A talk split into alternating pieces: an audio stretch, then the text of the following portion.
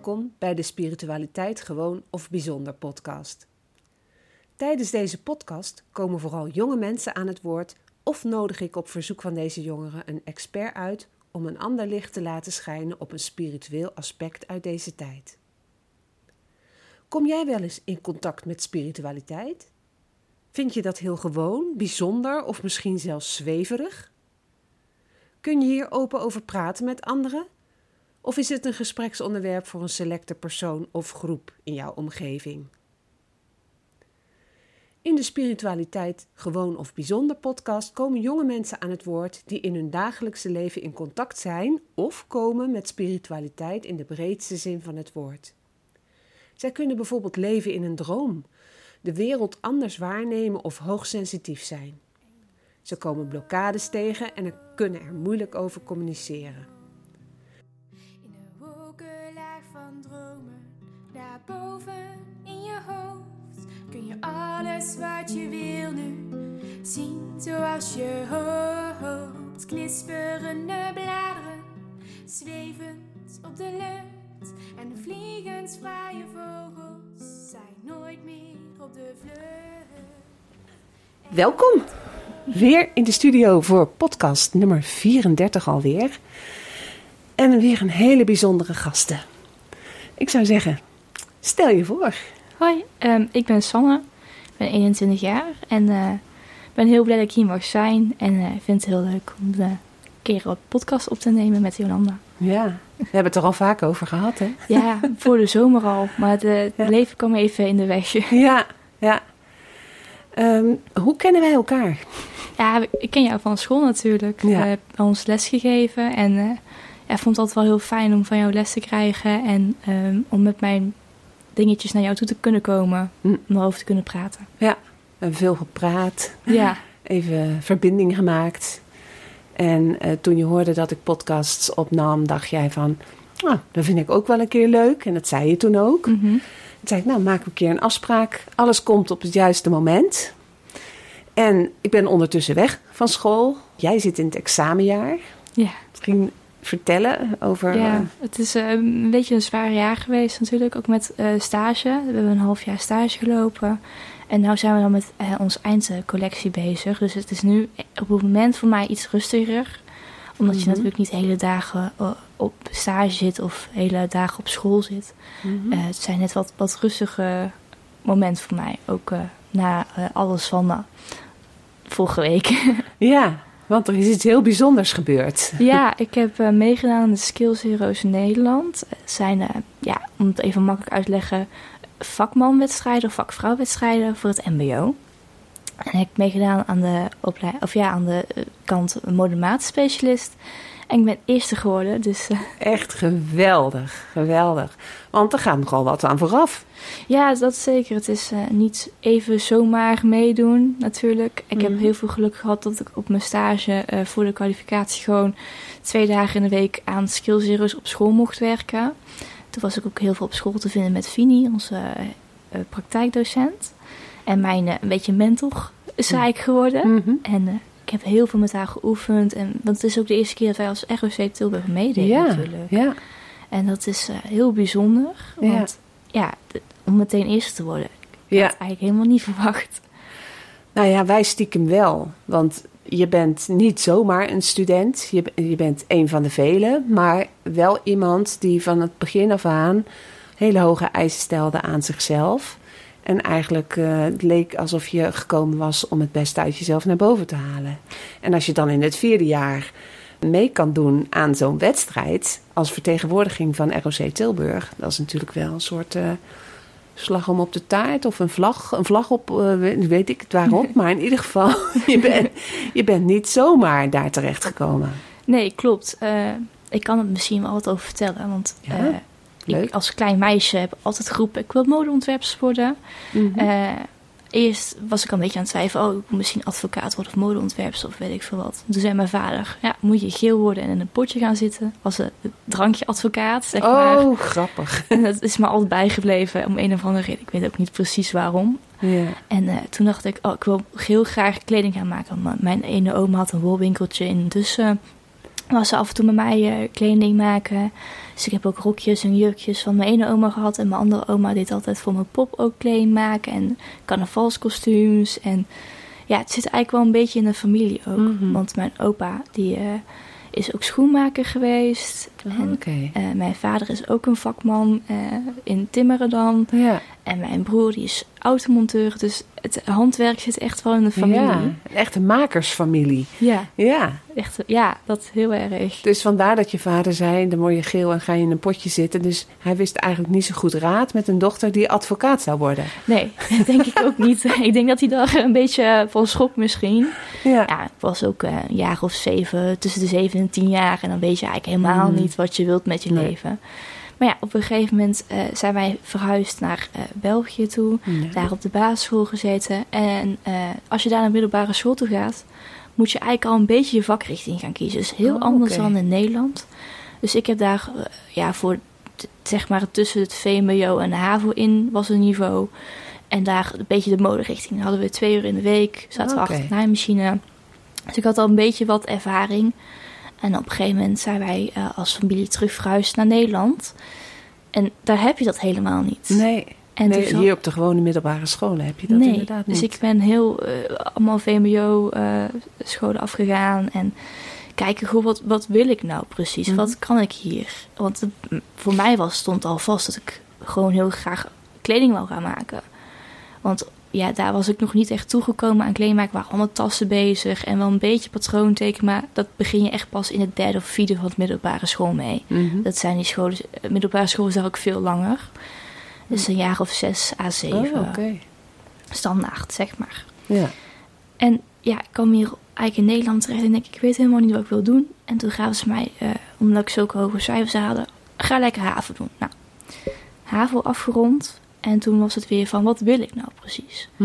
Want ik ben een heel erg eh, technisch ingesteld persoon. Dus de beta-vakken zitten bij gewoon veel beter dan de talen of de iets wat, ja, misschien stom gezegd, creatievere vakken.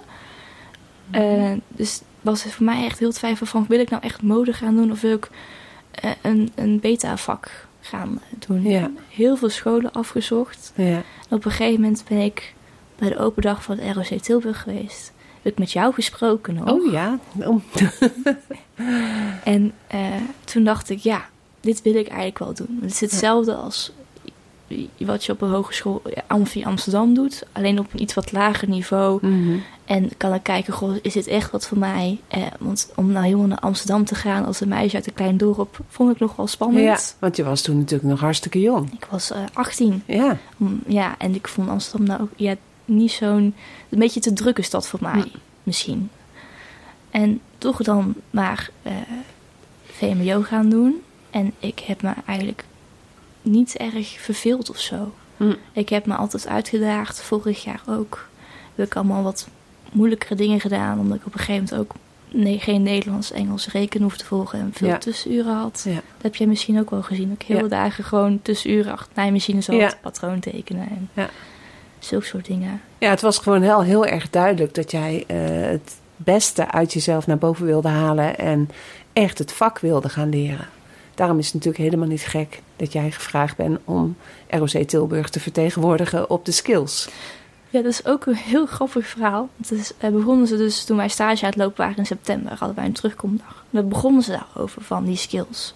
Dus zag ik iedereen ook kijken van nee, dat wil ik niet. Want wij zitten straks in ons eindexamen en dan moet je daar allemaal tijd voor ma- klaarmaken. Want het is niet zomaar iets waar je aan Mhm. begint natuurlijk.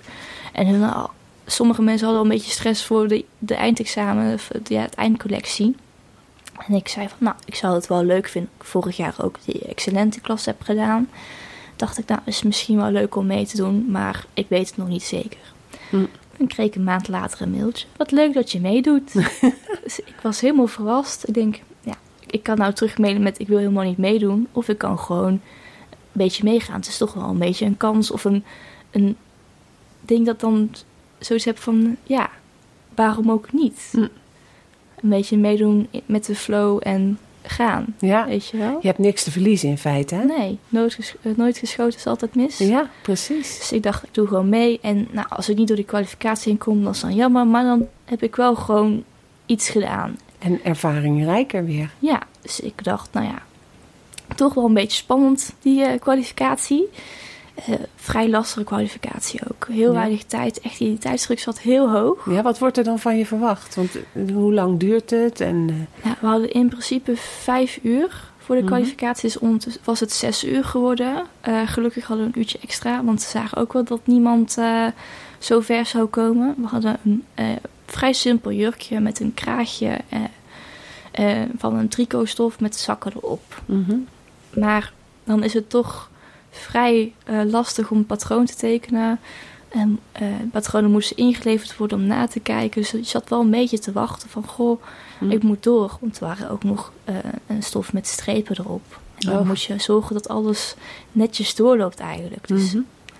Nou, uiteindelijk had ik het laatste half uurtje toch eh, voor elkaar gekregen om hem af te maken. Mhm. En ik, eh, je kan het aan Fini vragen, terugreizen, terug met de auto. Ik was helemaal op. ik was helemaal klaar mee. En ik dacht, oh, als het maar goed komt. Want ik Ja. was er niet trots op. Maar hij- hoorde je dan niet gelijk of je door was? Dat was s'avonds via de Instagram van eh, Aventus. Daar in Zutphen was het. Ja. Dus ik en Fini zei ook nog, wees overnachten in eh, Zutphen. Omdat het anders best wel ver reizen Ja, is. is best En, eh, lang. Dan eh, maak je heel de dag, eh, dan ben je al helemaal op voor je daar bent. Mhm. Dus eh was ik wel Dus voorafgaand aan, aan de wedstrijd ben je al naar Zutphen gegaan en dan heb je daar een hotel overnacht. Ja. Oh ja. Dat was heel fijn voor mijn rust ook. Ja, Toch wel spannend. ja.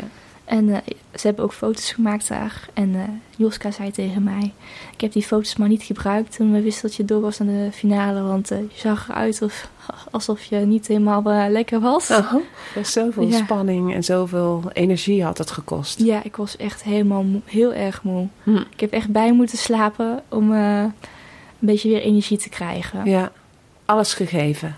ik heb, ja dat heb ik wel gedaan. Alles Ja. gegeven, ja, zeker. En wanneer hoorde je toen dat je door was? Ik zou om 9 uur eh, online via de Instagram van eh, Adventus dus te horen krijgen. eh, of het was 8 uur of 9 uur, ik weet niet meer precies. Of ik door was. Nou, dat duurde maar. Ja, En dat oh, duurde maar. vreselijk. Net alsof je op je, je uitslag van je examen aan het wachten bent. Ja, zo'n gevoel krijg je wel. Ja. Alsof je weer op de middelbare school zit en wacht van... oh, wanneer gaan ze me bellen? Of wanneer Ja. bellen ze me niet? Of ik door ben of niet. Ja. Dus dat was heel spannend. Ah, gelukkig wel door. Ja. Ja. Ik was heel blij. Ik was alleen thuis met mijn kat. Dus ik heb even... Oh. Dus die heb je even geknuffeld. Ja, daar was hij niet zo blij mee, denk ik. Maar het was eh, heel spannend en eh, heel blij dat ik door kon. Maar Ja. toen kwam het besef, oh, ik moet helemaal naar Amsterdam toe. Ik moet weer gaan oefenen. Ik moet weer keihard gaan Ja. werken aan. Eh, nou kregen we van tevoren wel te horen van, oh, deze stukken kunnen in eh, het kledingstuk zitten. En toen keken we ernaar met de finale. En toen zag ik, nou, een rits, een beleg, een kraag, een eh, rits, eh, of ja, rits heb ik al gezegd, sorry. Ehm kraagbeleg, koepverwerking, zulke soort dingen. En denk je, Ja. dat zijn eigenlijk allemaal dingen die wij al gehad hebben. Ja, want die moet ook in je eind- eindexamencollectie zitten. Dus daar was Ja. je toch al mee bezig. Dus ik ben eigenlijk gewoon vooral verder gegaan met mijn eindcollectie.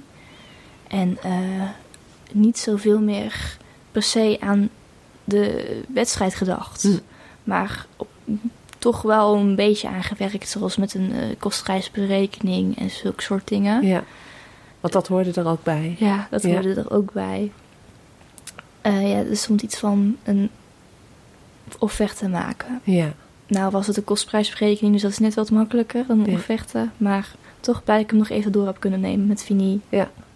Want eh, zij stond ook wat klaar voor al mijn vragen. En had ze voorbeeldjes die, eh waarbij ik kon zien wat kon. En we hebben natuurlijk ook met eh, de finalisten van ROC Tilburg... die meedeed aan andere opleidingen Mhm. van of andere wedstrijden van de skills.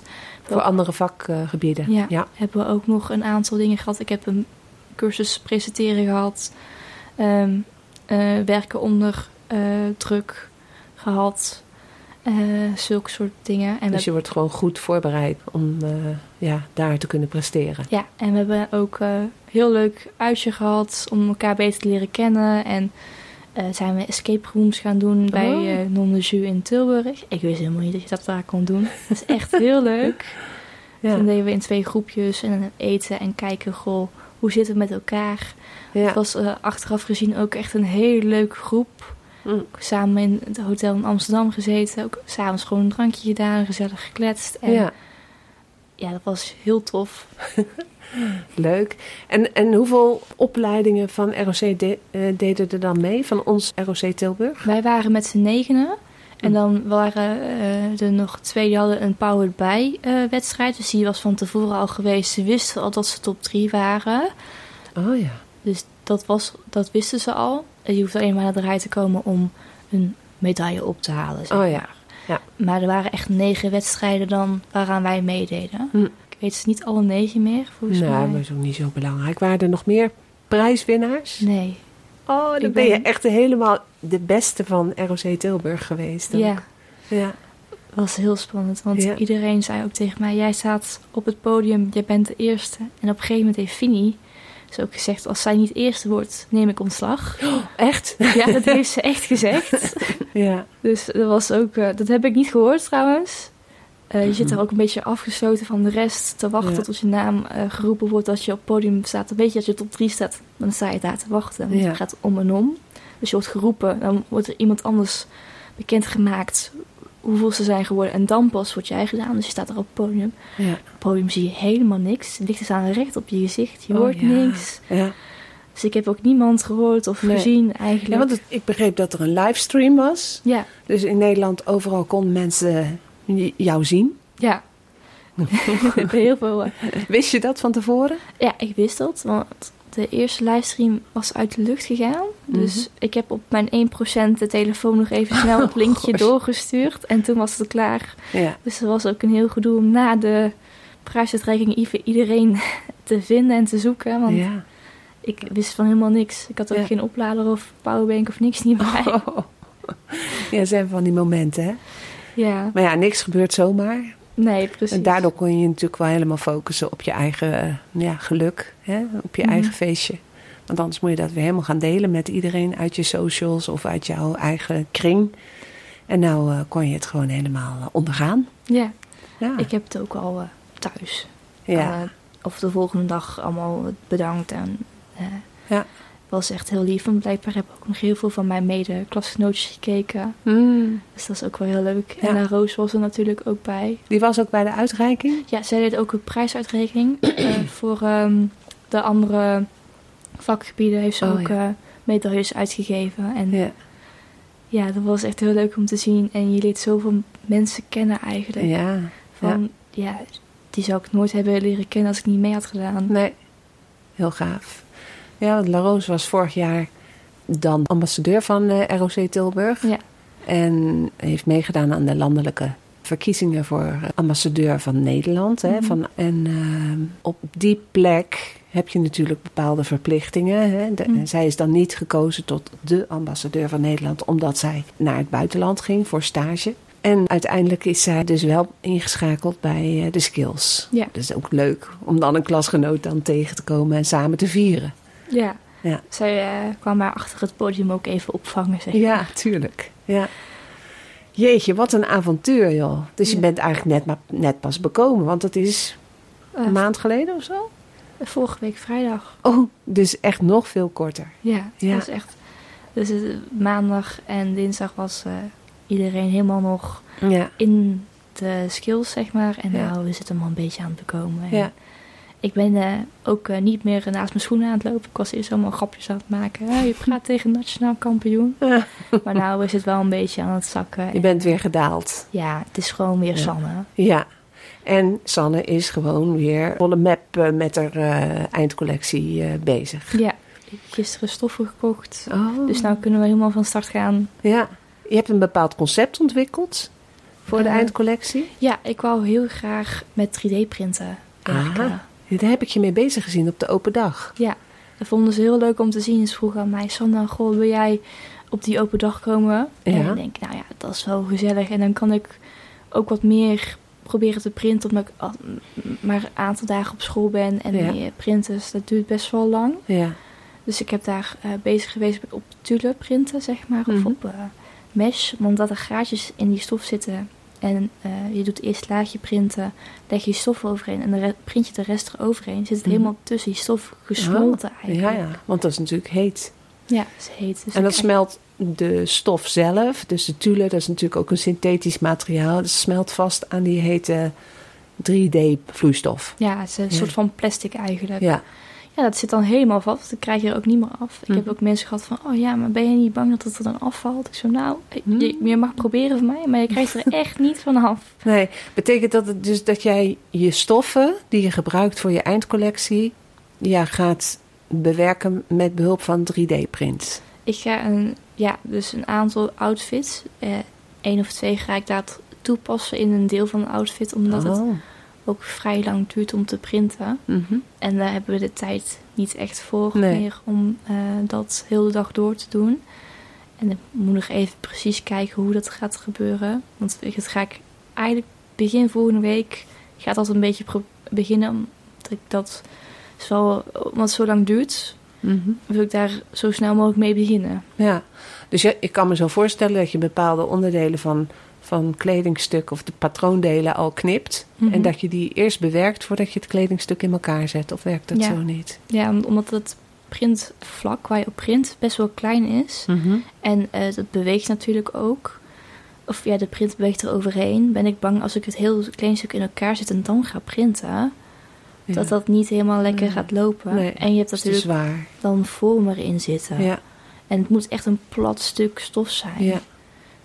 Om te Wel heel innovatief hè, wat je aan het doen bent. Ja. En komen er nou ook eerste, tweede, derde jaar studenten kijken bij jou als je daarmee bezig bent? En vragen ze van, eh, wat ben jij nou aan het doen? Eh, nou, ja, op de open dag dan toevallig wel, omdat ze in hetzelfde lokaal zaten als mij. Maar ik denk dat ze nu ook gewoon bezig zijn met hun eigen kledingstukken maken. Of voor de, Mhm. collect of voor de modeshow. Want het is nou helemaal iedereen modeshow, modeshow, modeshow. Mhm. Eh, dat ze daar niet zoveel oog naar hebben, wat niet erg is. Ja, maar wel jammer.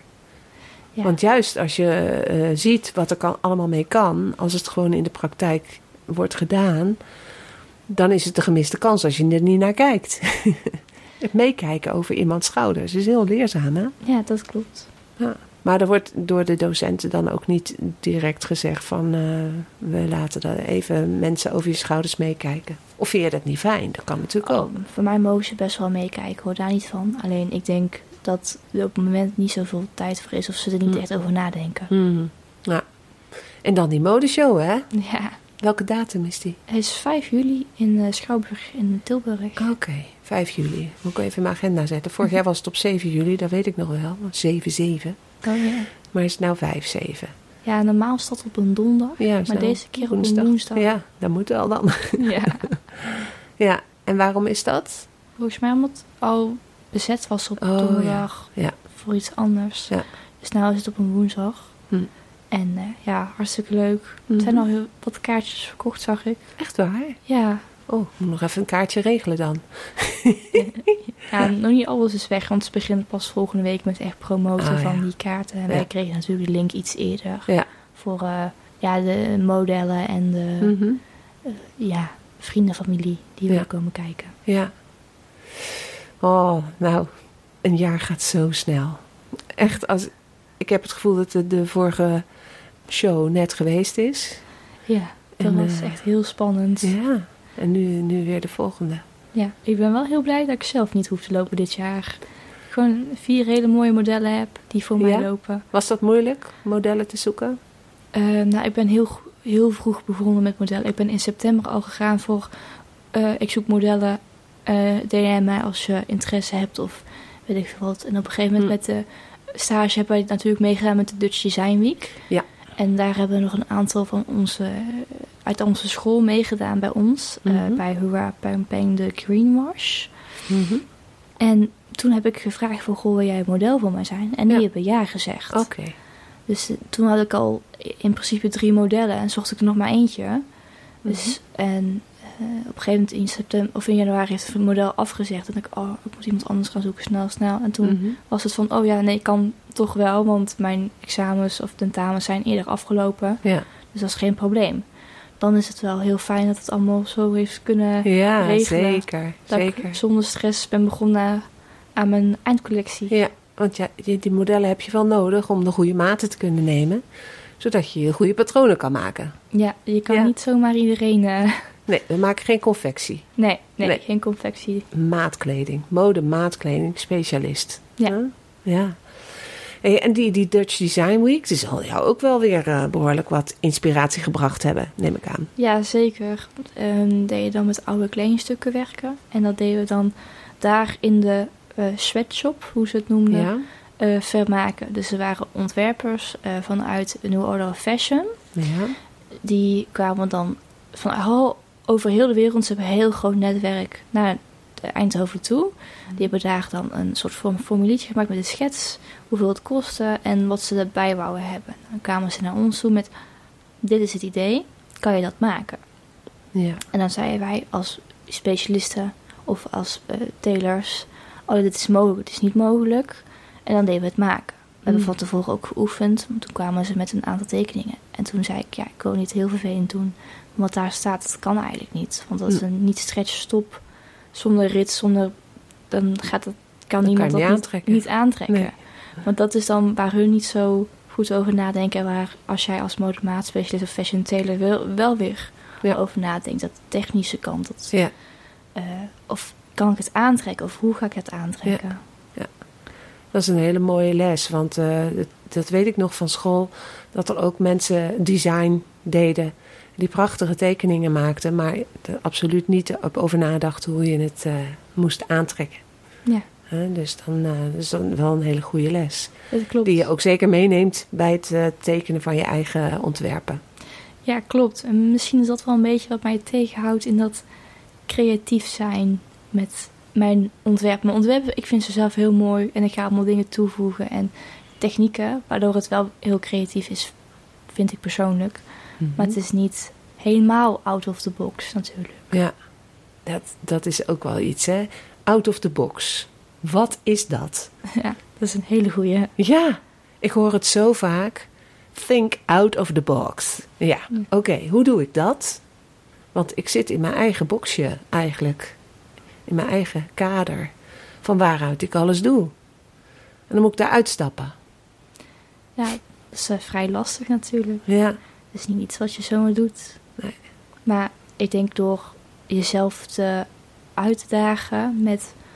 Goh, ik wil een keer met een andere stof werken. Of ik wil iets eh 3D-printen. Ik wil een stofbewerking doen. Dat je Mhm. al een stuk outside the box kan gaan. Ja. En eh, je kan met technieken natuurlijk ook out of the box gaan denken. Ja. Je hoeft niet per se met alleen je ontwerpen zo te denken. Nee. nee, het kan van alles zijn. Ja, En zelfs met een model. Dat je niet een, eh, een, een model neemt wat precies past binnen het ideale plaatje. Maar dat je er één neemt die te lang is of te dik of te bruin of te, weet ik het, maar één been heeft. ja, En dat je daar ook kleding voor ontwerpt. Dat is ook al out of the box denken. ja. Want het- beeld wat wij van mode krijgen door de media is natuurlijk tamelijk eenzijdig. Dat is het ook. Eh, ik heb daar zelf niet voor gekozen. Ik toevallig mensen tegenkwam die allemaal wat langer zijn dan mij. Eh, Mhm. Iets wat, ja, gewoon mm, wel gewoon een beetje standaard de modellen. Ehm dat kwam ik toevallig tegen. En ik Ja. dacht, je moet ook naar het geheel plaatje kijken. Ja. En er zijn echt mensen uit mijn klas die daar echt voor gekozen hebben. En dat vind ik heel knap. Want Hm. je, het is toch iets lastiger om kleding te maken die voor mensen die net wat anders zijn dan het standaard beeld. Ja, maar ook wel belangrijk. Dat is heel belangrijk. Ja. Jij zegt mensen kwamen toevallig op mijn pad. Ja, Geloof jij in toeval? ik geloof heel erg in toeval. Ja? Ja. Het is altijd wel iets dat ik denk, oh, dit heb ik eerder gezien. Of Mhm. dit komt me bekend voor. Of ik heb iets in mijn dromen wat voorkomt. En dan vertel ik het aan mijn oma en zeg, oh ja, maar dat komt door dit, dat of zo, zo. Ja. Ik had een keer een droom over een paard. Of, oh, Mhm. En eh, er kwam iemand in voor. En toen zei mijn oma, oh, dat paard, dat komt omdat je laatst hebt gesproken met je tante. En zij heeft een paard. Dan denk ik, oh ja, ja. ja. dat heeft eigenlijk wel... Dat, dus klinkt wel logisch, ja. Het klinkt een beetje, het, het werkt een beetje door in, Ja. jouw, eh, in je hoofd. En dan, eh, dan lijkt het erop dat het toevallig is. Ja, hetzelfde als dus die skills heroes. Heb ik heel erg het gevoel dat het per toeval op mijn pad is gekomen. Hm. Terwijl ik er soort van wel voor heb gekozen. Ja, want je hebt een keer geroepen, oh, dat lijkt me wel leuk. Ja, Dus dat is een keuze geweest, waardoor er een balletje is gaan rollen. Dus dan eh, uiteindelijk is het geen toeval, maar is het de energie die je zelf hebt ingestuurd. Zo van, Mhm. nou, dat lijkt me leuk. Waardoor dingen gebeuren. Het is hetzelfde als deze podcast. Ik heb met jou afgesproken om deze podcast te doen. Ja, En ik kreeg eh, van de week, was dat ik in de auto, kreeg ik een belletje. Dus ik neem op. Was het iemand van Skills Heroes. En die zei tegen mij dat ze bij In Retail met mij een interview wouden doen. oh, En toen dacht ik, oh, maar ik ga eigenlijk al een soort van podcast opnemen met Jolanda. ja. En dan een interview. Het valt wel heel erg samen allemaal. Allemaal met stemmen en hoe je denkt over bepaalde dingen. Ja. Heel toevallig. Ja, maar dat is leuk. Dus je hebt wel ja gezegd. Ja, tuurlijk heb ik Ja. ja gezegd. Als er zoiets op je pad komt, dan eh, je kan altijd ja zeggen en komt het niet uit, dan is dat zo. Maar Ja. het is altijd leuk om zoiets te doen. Ja. En ik denk dat je je kansen wel moet pakken op zulke soort momenten. Ik heb ook een klasgenootje van mij, die zei, ah, ik vind het eigenlijk wel jammer dat ik niet mee heb gedaan met die Skills Heroes. Mhm. Want ik wil van mijn familie dat het echt wel iets voor mij was geweest. Ja, Maar ik heb die kans niet genomen. nee. En dat wil ik wel graag ook naar de rest van de wereld laten zien. Van als je kansen krijgt, neem ze aan. Ja. Probeer te kijken wat echt belangrijk is voor je en wat het voor je kan brengen. Ja, precies. Want ja, er komt nu iets op gang. Want je had het over een internationale vorm van skills, hè? een Europese vorm. Ja, een Europese vorm van skills. Dat is in september in Gdansk. Gdansk. Als ik het ja. goed uitspreek, Ja, in Polen. Ja. En eh, het lijkt, ik heb al tegen onze skillscoördinator gezegd van... Goh, ik zou heel graag mee willen doen. Mhm. Maar het ligt me net aan hoeveel punten ik heb behaald. eh, mijn leeftijd, Mhm. eh, zulke soort dingen. Of ik dan mee mag doen met Team Nederland. ja, Ja. Dat zou heel tof zijn. Ja. zeker. En wanneer hoor je dat? Dat is een hele goede vraag. Dat weet, weet je nog niet. Heb je nog niet over? eh, nee, nee. het is ook pas. Het is ook heel, heel recent allemaal. Ja, Ja. Maar je zou het willen. Ik zou het heel graag willen, ja. Ja. Het is ook weer een verbreding van de horizon. Out of the box. Je gaat dus eigenlijk uit je veilige omgeving in Nederland ga je de stappen zetten in Europa. Ja. En eh, ja, wat brengt het jou? Ik denk dat het ook gewoon een hele mooie ervaring is, vooral. Mhm. Weet je, ik denk dat... Ik ben nou nationaal kampioen Nederland, Mhm. maar ik voel me gewoon Sanne. Ja, En- ja, dat moet je ook voornamelijk blijven, hè? Precies. ik, eh, zoals ik al zei, ik zag bij die nationaal kampioenschap hele mooie, ook hele mooie jurken die netjes in elkaar zaten en zo. En het was ook heel nipmager dat ik eerste ben geworden. Ja. En eh, zo'n Europees is toch nog wat spannender, want Ja. het is toch wel al vanuit van heel Europa die meedoen. Ja. Dus ik verwacht ook niet hele hoge prijs of zo, maar het zal gewoon voor de Voor de ervaring. voor de ervaring Ja. heel leuk zijn om mee te doen en te kijken, goh, hoe zit dat nou precies? Ja.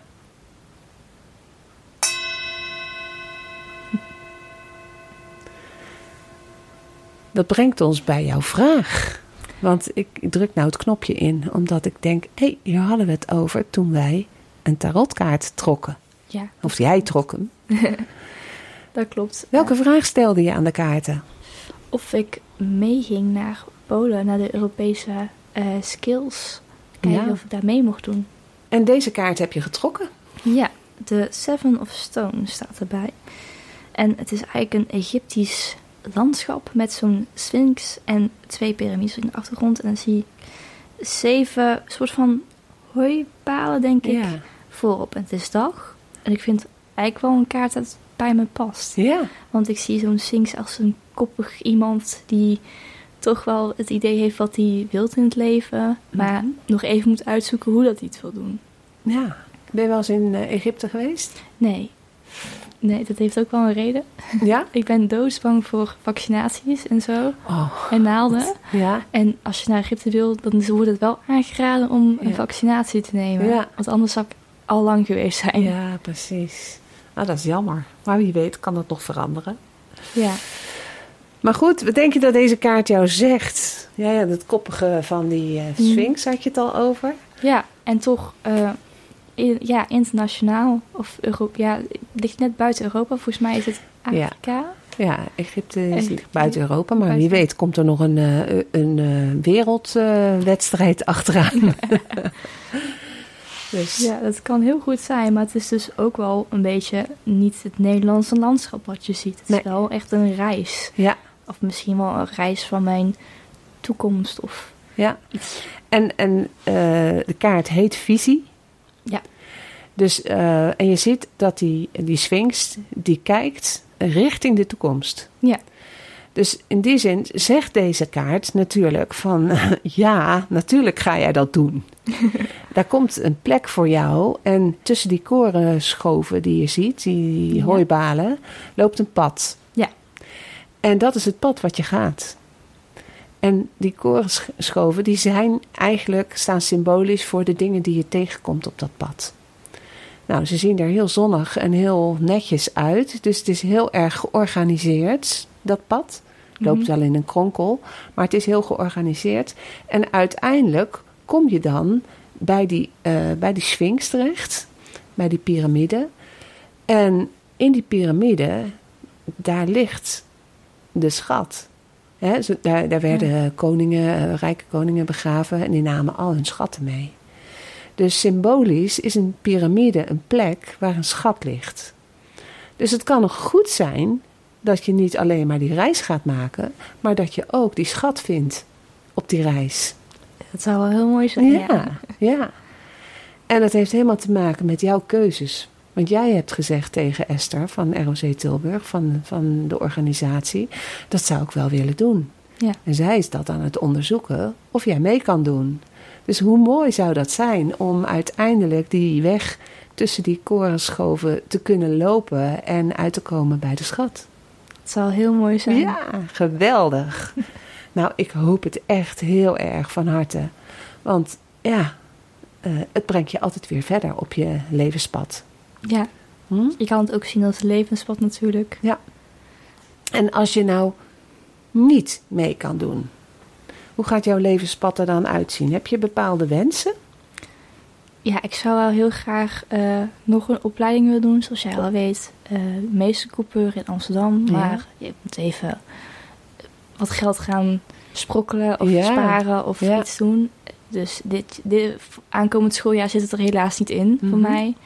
En eh, ik zou heel graag gewoon uiteindelijk terecht willen komen in een atelier of een plek waar ik kostuums kan maken. Of voor theaterstukken of Oh, voor ja. Ja. grote evenementen. Ja. Zulke dingen zou ik Ja. heel graag vinden. Voor grote voorstellingen, opera's, Ja, eh, met opera's. klassieke kostuums. Ja, echt dat, weet je, eh, jaren 50, Ja. eh, zeg maar glitter, glamour, heel veel stenen en bewerkelijk. Ja, Zou ik heel leuk vinden. oh nou. Ja, dat is iets waar je alleen maar van kan dromen natuurlijk. Ja, En je denkt dat dan via een meestercoupeur eh, eh, te kunnen doen? ik hoop dat ik daar gewoon meer kennis krijg van het vak. Want ik, heb, ik heb genoeg kennis. Ja.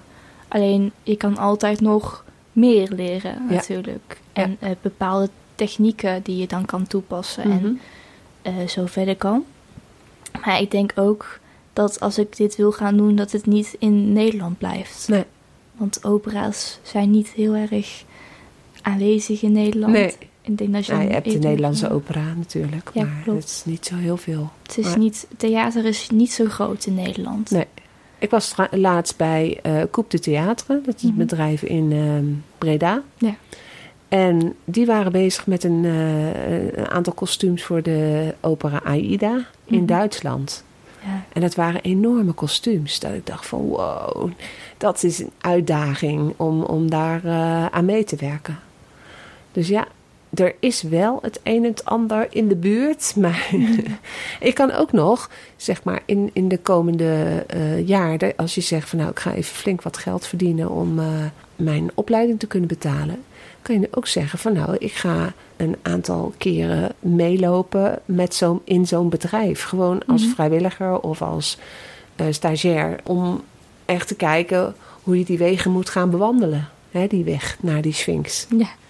Dus dat kan natuurlijk ook. Dat je gewoon je eigen opties zoekt. Dat zijn dan die korenschoven die daar staan. Dat zijn allemaal opties die je in het komende jaar of misschien de komende twee jaar gaat opzoeken voordat je komt bij, eh, bij het stuk waar je werkelijk verder kunt gaan ontwikkelen in het vakgebied. Dus dat is ook nog een optie. Dat klopt. Leven is nog heel lang, hoop ik. En ja, het mooie van een podcast als deze, hè, we, zijn, we zijn nou natuurlijk al een heel eind op dreef, maar je vertelt over je leven en over dat wat je wil gaan bereiken. Maar dat doe je allemaal vanuit het contact met jezelf. Ja. Jij maakt die keuzes. Je ouders hebben natuurlijk ervoor gekozen om in België te gaan wonen. Daar eh, heb je een stukje van je loopbaan eh, natuurlijk ontwikkeld. Die hebben ook gekozen om weer terug te gaan naar Nederland. Maar op een gegeven moment kwam je op een leeftijd dat jij die keuzes mocht gaan maken. Ja, ik weet nog dat mijn 18e verjaardag ook heel zwaar op mij viel. Ja? Gewoon omdat je, je, je wordt voor de, voor de wet ben je volwassen. Je voelt je nog gewoon 17, maar je bent voor de wet volwassen. En dan moet je het allemaal maar zelf gaan regelen. Maar voelde dat ook echt zo? Zeiden je ouders ook van nou, nou moet je het zelf gaan regelen? Eh, nou ja, misschien zoals je weet zijn mijn ouders gescheiden. Eh Mhm. hebben een vechtscheiding gehad. Daar wil ik voor de rest niet te veel over vertellen. Dat is allemaal niet belangrijk. Nee. En ik woonde bij mijn vader op het moment. En die heeft er gewoon niet zoveel verstand van. Dus Nee. ik heb wel een beetje op mezelf moeten kijken. Gewoon, hoe ga ik dit nou regelen? Hoe ga Ja. ik nou ervoor zorgen dat ik eh, mijn zorgverzekering heb, zorgtoeslag krijg, Mhm. baantje natuurlijk. Ja. En waar heb jij dan de hulp gekregen? Ik heb vooral online gezocht. eh, hoe doe ik dit nou? En eh, ja, dat heeft me wel geholpen. Dus ik ben op dat gebied ook vrij zelfstandig Ja. in voor mezelf zorgen. Nou, dat is ook mooi als je die gelegenheid krijgt. Want er zijn ook mensen die hebben ouders die alles voor hun doen. Ja. En dan krijgen ze helemaal niet de gelegenheid om zelf te onderzoeken. Nee, dat klopt. Dus ja, het ene en het andere uiterste ligt Ja. natuurlijk ver uit elkaar. Ja, het is ook een, een beetje lastig als je een ouder hebt die eigenlijk niet weet wat, wat je precies doet of wat nou, Hm. eh, hoe je dat moet doen. Dat, Ja. is, dat is vooral bij mijn vader het geval geweest, dat hij het niet wist. En je vriendinnen, Die waren allemaal nog 17. ja, die waren al een stukje jonger. Die waren, ja, Ja. ik, eh, En, en een broer of zus die... eh, ja, ik heb een broer, maar het is ook een tijdje geen contact, eh, niet, of niet zoveel contact geweest als dat het nu is, zeg maar. Ja. En die is ouder. Ja, hij is eh, een jaar en een dag ouder dan mij. Oh, want die heeft natuurlijk ook meegemaakt dat hij 18 werd en dat hij alles moest regelen. Ja, klopt. Maar die heeft jou geen goede tips gegeven. Ja, Rick is echt een hele lieve jongen. Alleen hij weet soms ook niet altijd even goed, Nee. zeg maar. Lijkt op papa. Ja, lijkt op papa daarin. Maar San, ik denk dat jij juist daardoor heel sterk bent geworden. ja. Jij weet wat je wil. ja, ik weet wat ik wil. Mhm. Alleen afgelopen kerst was het toch even iets anders hoor. Toen kreeg ik even het idee van wat, wat wil ik nou? Wat, wat eh, volgend jaar moet ik naar een school, moet ik me in gaan schrijven? Eh, moet ik toch een jaar wachten? En toen kreeg ik allemaal de vraag van moeder, oh, eh, ga jij tussennemen of ga je door? Want dan kunnen we op vakantie in het laagseizoen. En eh, ik kreeg allemaal vragen van iedereen en denk ja, maar wat wil ik eigenlijk? Ja. Dat Ja. was even een best wel zware maand voor Ja. mij. Van wat wil ik nou? Word ik hier wel gelukkig van? Ja. Nou, ik vind het op zich heel spiritueel dat je contact maakt met wat jij wil. Ja. Hè? En wat was het antwoord wat je gevonden hebt in jezelf? Of heb je een antwoord gevonden, kan ik beter zeggen. Ja, ik wil eigenlijk gewoon even rust. Ja, Daarvoor heb ik ook gekozen om niet meteen door te gaan naar Amsterdam. Want dan moet je zoveel Ja. regelen. mhm. En daar had ik nu al een kamer moeten regelen en eh, aanmelden. En Mhm. hopen dat je maar binnenkomt. Ja. Dat is natuurlijk ook een dingetje. ja. En plus dat je, als je dat had gedaan en je was toegelaten, dan was dat hele plan van eh, naar Polen gaan. Daar was niet eens sprake van, want er was geen ruimte voor. Nee, want je begint dan natuurlijk met die opleiding. Ja. En dan kan je niet zeggen, hé, hey, eh, eerste week van school, ik ben er niet. Nee, Dat is eh, niet helemaal eh, Nee. hoe ik het ken werkt. eh, inderdaad een oud student die dan meesterkoetsier is gaan doen. En die zei, ja, de eerste vijf weken, geloof ik dat ze zei, zijn we alleen maar bezig met een rok. Een Mhm. rok maken. Ze zegt, ja, je zou zeggen, dat heb ik al lang geleerd. Dus dat kan ik al. En ze had al een eindcollectie gemaakt. En eh, daar zaten ook rokken in. Maar toch, zei ze, word je geacht om helemaal in dat specialisme te duiken en mee te gaan met, met het ritme. En echt niet zo van, nou, ik meld me even ziek, want eh, ik voel me vandaag niet zo lekker. Nee, je moet er gewoon altijd zijn. En eh, toen dacht ik, oh, daar moet je echt sterk voor in je schoenen staan om dat te kunnen. Ja. En ik denk dat jij dat zeker kan. Dat Ja. is heel fijn om te Ja, horen. ja, ja, ja. Daar heb je een bepaalde instelling voor nodig. Niet iedereen kan dat. Nee, je moet wel een beetje doorzettingsvermogen hebben. En stel, dan heb je 15.000 euro, is dat geloof ik hè? Ja, 7000 euro per jaar, twee jaar lang, Ja. zoiets, ja. Dan heb je dat bij elkaar gespaard. En dan ben je na, na een maand ben je afgebrand en dan ga je weg. Nou. Heb je, Ja. heb je een jaar voor gewerkt. Ja, Dus goed voorbereiden en ook goed eh, verbonden blijven met, eh, met het vak. Gewoon blijven naaien. Eh desnoods opdrachten aannemen van eh, Jan en Alleman die iets spe- speciaals willen hebben van jou. En go for it. ik denk ook wel als ik... eh, jij weet van mij dat ik naast school werk ik vrij veel. Er Mhm. zijn tijden geweest dat ik na school 30 uur in de week maakte. 20 à 30 uur.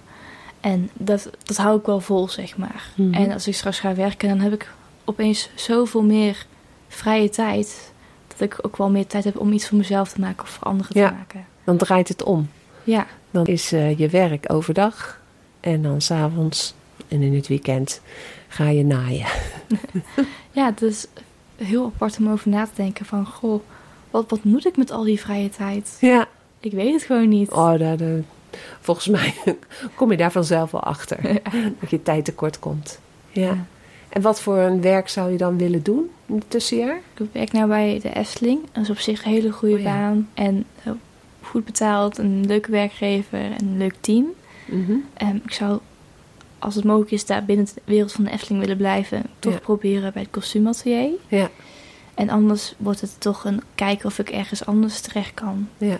Want nu werk je niet bij het kostuumatelier, Nee, ik werk gewoon bij, bij, eh, attracties. Nee, ik werk bij Bosrijk, het eh, ja, vakantiepark zeg maar, Oh, in het restaurant. Ja, Dus daar eh, help ik mensen en ontbijt doen we dan regelen en eh, Ja. avondeten. Dus het is Leuk. vooral 's ochtends en 's avonds werken. allemaal blije mensen, hè? die zijn allemaal uit op vakantie. En- zijn, als ze blij zijn, dan is het echt heel leuk. En Ja. een praatje mee maken en vragen hoe het is. En kinderen die leuk reageren. Kinderen, ja. Eh, Dat is geweldig om te zien. Maar soms, eh, als, ze, ja, als er mensen binnenkomen met een, een vijf eh, dan van het team, zeg maar, dan is het lastig om ze zo een beetje weer op te peppen. Ja, En dan eh, gaan ze weg met een zeven gevoel. Maar dat is dan ook goed genoeg, zeg maar. ja. ja, ik heb altijd het idee dat mensen daar allemaal blij zijn als ze binnenlopen. Maar dat is dus niet zo. Nou ja, eh, wij zijn natuurlijk ook s'avonds. Als mensen dan terugkomen van de hele dag Efteling. Ja, De zijn hele dag eh, lopen, misschien een keer slecht weer geweest. Dan zijn ze gewoon moe en uitgeput. En dan Ja. wil je gewoon lekker eten en dat er niks fout gaat. Maar ja, de- we zijn allemaal mensen. Er gaat wel eens iets fout. Ja, zeker. Nou, ik heb het gevoel dat we nog uren door kunnen kletsen. maar dat deden we op school altijd al. Zijn er nog dingen die je nog wil zeggen, nog wil delen met Ja. onze luisteraars? Eigenlijk wel. Als jij een kans krijgt om iets te doen en het lijkt je leuk en je bent er niet helemaal zeker over, ga er gewoon voor. Ja. Neem die kans aan en ga er vol voor en zet je in. Hm. En dan zit de rest maar even op een slow burner, zeg maar. Even Ja. achter je. En focus je op iets wat je helemaal blij maakt en waar je passie voor hebt. Ja, volg je passie dus. Volg je passie, Ja. dat is echt Ja. een ding. Want Ja. ik heb wel eens gehoord, toen ik voor middelbare scholen ging kijken in België, dat ik daar binnenkwam met het atelier. En ze zei tegen mij, mijn moeder, je, je zag je ogen gewoon glimmen. Ja, dus met glimmende ogen je passie volgen, keuzes maken en op avontuur gaan in de toekomst. Ja. En even die kaart, eigenlijk die weg volgen en al die dingen die op die weg die je tegenkomt, gewoon aangaan, Omarm het. omarmen. Ja, prachtig. Nou, dankjewel voor dit gesprek. En als mensen een, een vraag hebben nog aan jou persoonlijk, mogen ze jou dan eh, een DM sturen? Of, eh, Mag zeker. Oké, dan eh, zetten we onder de visual zetten we een stukje tekst waar gewoon jouw gegevens bij staan. Ja, En dan kunnen ze jou bereiken. het is helemaal goed. Ja, Yes. nou, dankjewel voor het gesprek. Ik vond het erg leuk. Ja, ik ook. En heel veel succes voor de toekomst. Dankjewel. Heb je nou zelf een verhaal wat je wilt delen? Dan nodig ik je uit om een mail te sturen naar jolandahelverstein.gmail.com En dan is Helverstein met E lange ei. Ook kun je voor verdere informatie een bezoek brengen aan mijn website jolandahelverstein.com. Graag tot een volgende keer. Sluit je ogen maar, doe ze zachtjes toe en droom dan maar zacht. De boze dingen uit jouw